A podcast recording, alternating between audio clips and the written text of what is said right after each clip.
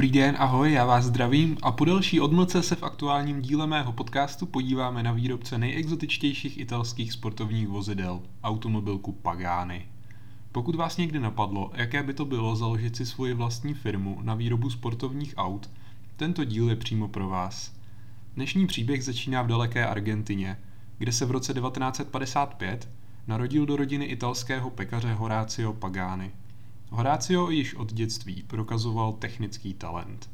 První příležitost postavit si své vlastní první plnohodnotné auto dostal ještě před dokončením střední školy. Jedna společnost v argentinském městě Mar del Plata nabízela laminátovou karoserii plážové buginy, kterou bylo možné namontovat na podvozek jiného vozu. Horácio se v roce 1972 chopil příležitosti a okamžitě karoserii koupil – na vrakovišti potom našel vůz Renault Dauphine, který byl ve špatném stavu a s porouchaným motorem. Pagani mu nakonec trvalo pouhých pět měsíců, než vytvořil a přihlásil do provozu funkční vůz na základě podvozku z vrakoviště a zakoupené karoserie. V roce 1974 tehdy 18-letý Horácio nastupuje na Národní univerzitu v La Plata a jako svůj studijní obor si vybírá průmyslový design na fakultě umění. Studium ale nedokončí a jako svůj další obor si vybírá studium strojního inženýrství. Bohužel ani na druhém oboru se mu příliš nedařilo a Horácio si začíná uvědomovat, že žádné univerzitní studium ho nedokáže úplně uspokojit. Pro Horácia je to těžké období i proto, že umění a věda jsou obory, ve kterých vynikal jeho vzor, Leonardo da Vinci. V roce 1975 se tedy stěhuje zpět do města Casilda, a hlavním motivem jeho dalšího snažení je sebevzdělávání. V roce 1977 si nakonec otevře malou dílnu vybavenou základními nástroji a začíná tvořit. Jeden z prvních výtvorů jeho vlastní společnosti Horacio Pagani Design je obytná nástavba na užitková vozidla nazvaná Alpin. Nástavba je prezentována na lokálním veletrhu a má okamžitý úspěch – Navíc Pagani mu přináší i další zakázky na stavbu obytných vozů. V roce 1979 Pagani skonstruuje svůj první závodní vůz kategorie F2. Celý projekt mu zabere více než rok a investuje do něho mnoho stovek hodin práce. Vozidlo je poté představeno široké veřejnosti na společenské akci ve městě Rosario. Pagani nakonec vůz představil i závodnímu jezdci Augustínu Beaumontovi, který si vůz okamžitě oblíbil a svůj první závod obsalvoval na okruhu Las Parejas Autodrom. Pagani se postupně v Argentině stal uznávaným konstruktérem v oboru dopravní techniky, až se nakonec v roce 1983 rozhodl přestěhovat do Itálie a nastoupil do automobilky Lamborghini. Pagani si vybral právě Lamborghini, protože byl fascinován designem vozů jako Miura a Countach, který jim vdechlo studio Bertone – při vstupním pohovoru zaujal samotného technického ředitele Julia Alfieriho a ten mu nabídl práci na projektu terénního vozu LM. Podle dalších zdrojů začínal Horácio jako obyčejný dělník a dokonce zpočátku vytíral podlahy fabriky. Mezi Paganiho další projekty patřil prototyp menšího modelu Lamborghini P140. Tento vůz byl přelomový v použití kompozitových dílů, což byl prvek, který zde zavedl právě Pagani, velký zastánce kompozitů. V podniku se dokonce snažil prosadit nákup autoklávu, tlakové pece, ve které probíhá vytvrzování kompozitových dílů.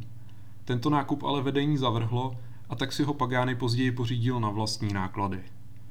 Obecně se dá říci, že získané know-how ohledně uhlíkových kompozitů v době, kdy ještě nebyly tak rozšířené, Pagani mu později přineslo úspěch a zisk. Horácio Pagani správně vytušil, jaký potenciál se v této oblasti skrývá. Pojďme ale zpět k Lamborghini. Paganiho tým stvořil v Lamborghini i první vůz, vyrobený čistě z kompozitových materiálů, Countach Evoluzione.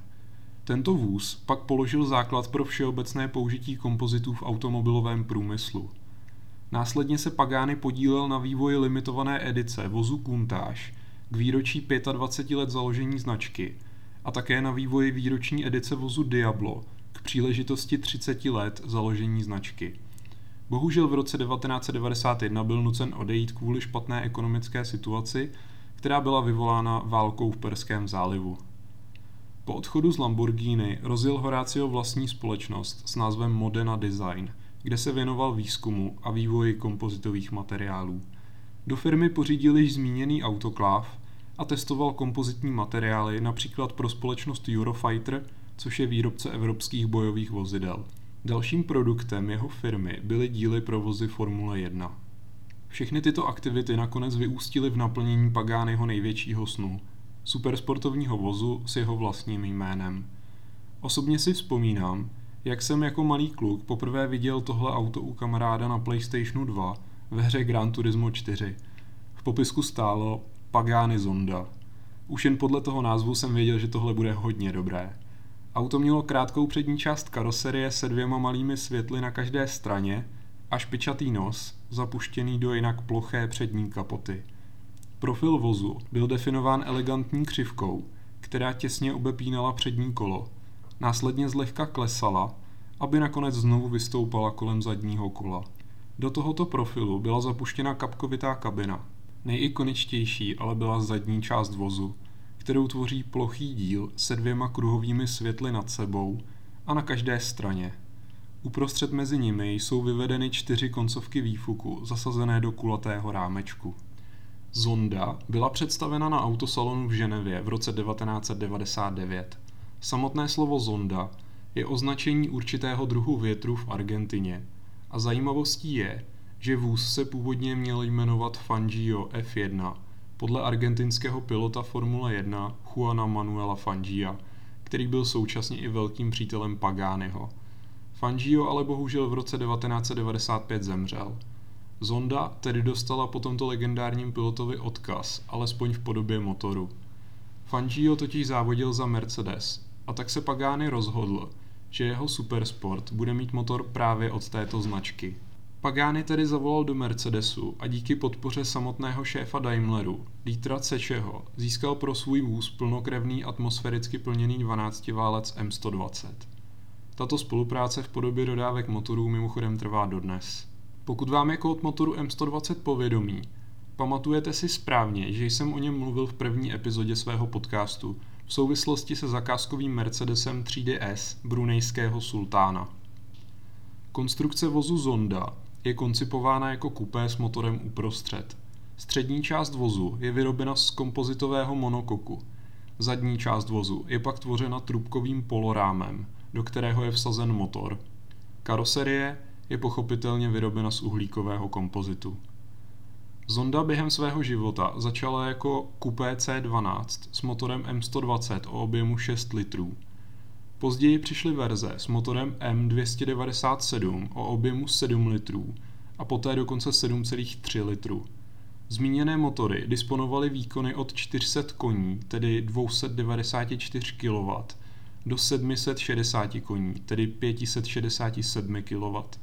Celkem bylo vyrobeno 140 kusů zondy a v průběhu výrobního cyklu přišla verze Roadster a také celá řada limitovaných a speciálních edic jako Cinque, Tricolore nebo HP Barketa.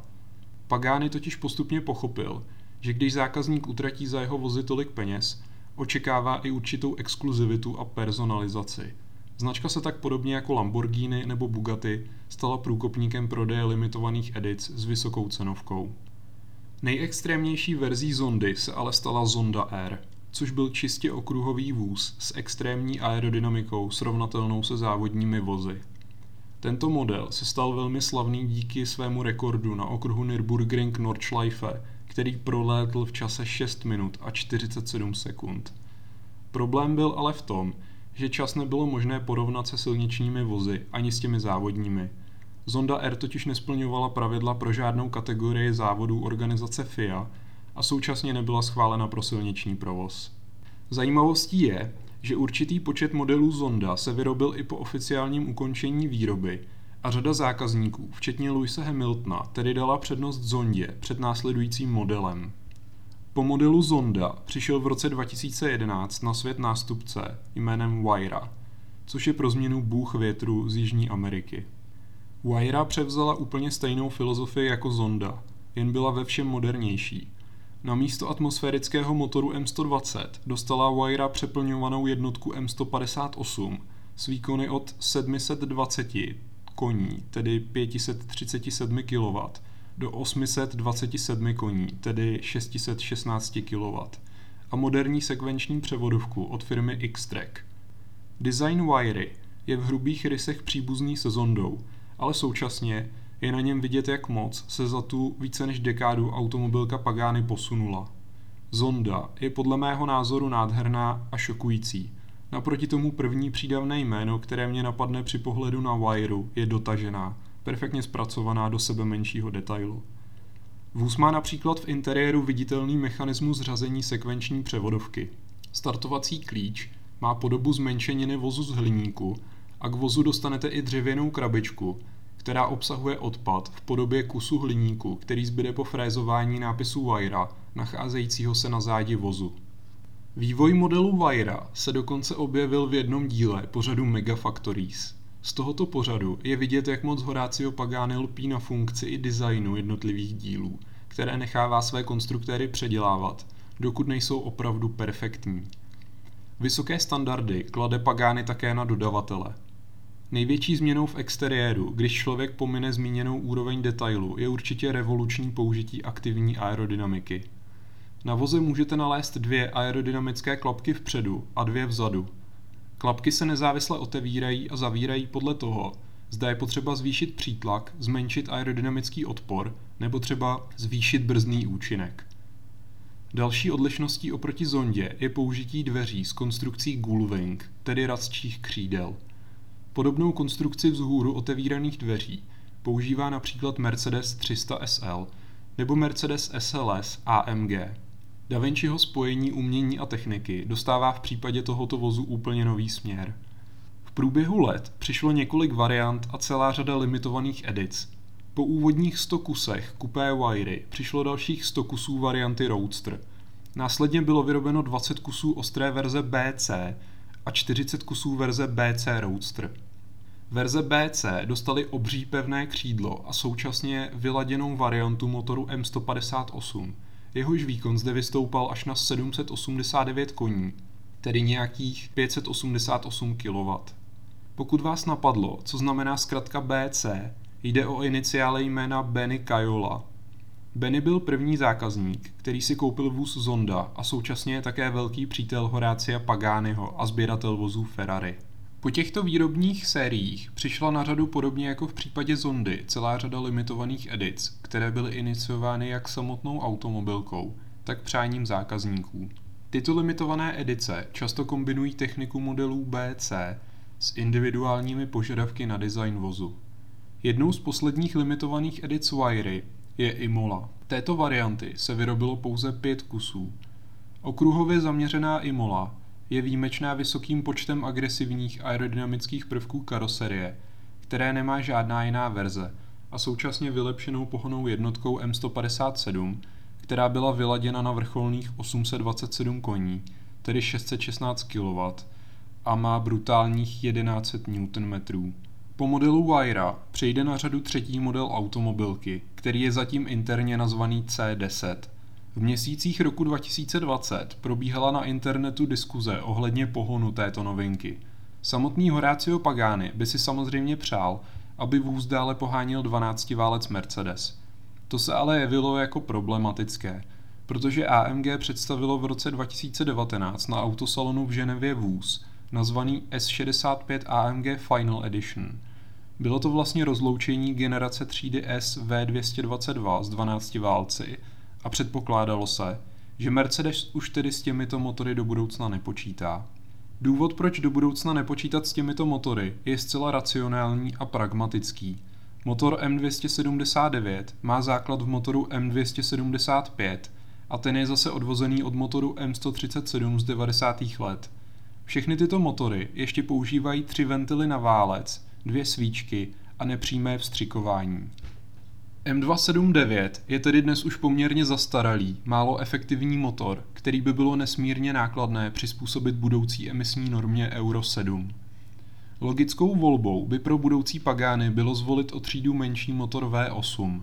Mercedes totiž i nadále počítá s moderní rodinou motorů M176, 7 a 8.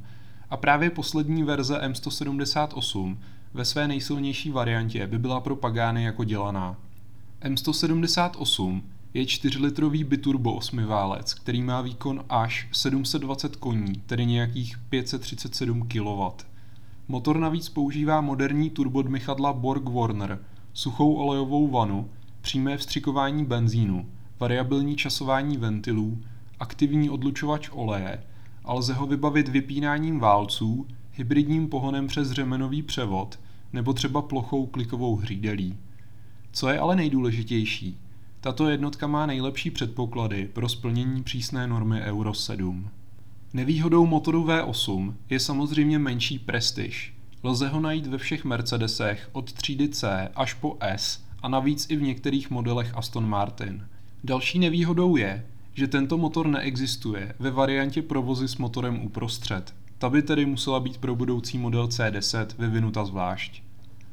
Jak už to bývá, zanedlouho bylo všechno jinak a Mercedes potvrdil V12 i pro nejnovější třídu S generace V223 v provedení Maybach. A pan Pagani potvrdil, že projekt C10 bude používat motory V12, se kterými počítá až do roku 2026 a současně na stejné platformě vyvíjí elektrickou alternativu. Zdá se tedy, že 12 válec zase o vlásek unikl, minimálně tedy do roku 2026. To už je z dnešního dílu ale opravdu všechno. Doufám, že se vám dnešní příběh líbil a možná jste v sobě objevili někoho, kdo by si také chtěl postavit vlastní sportovní vůz. Pokud si nechcete nechat ujít i následující epizody, můžete mě sledovat na Spotify a také na Instagramu, kde mě můžete najít pod názvem Karlův podcast. Nově můžete navštívit moji stránku karlovpodcast.wixsite.com.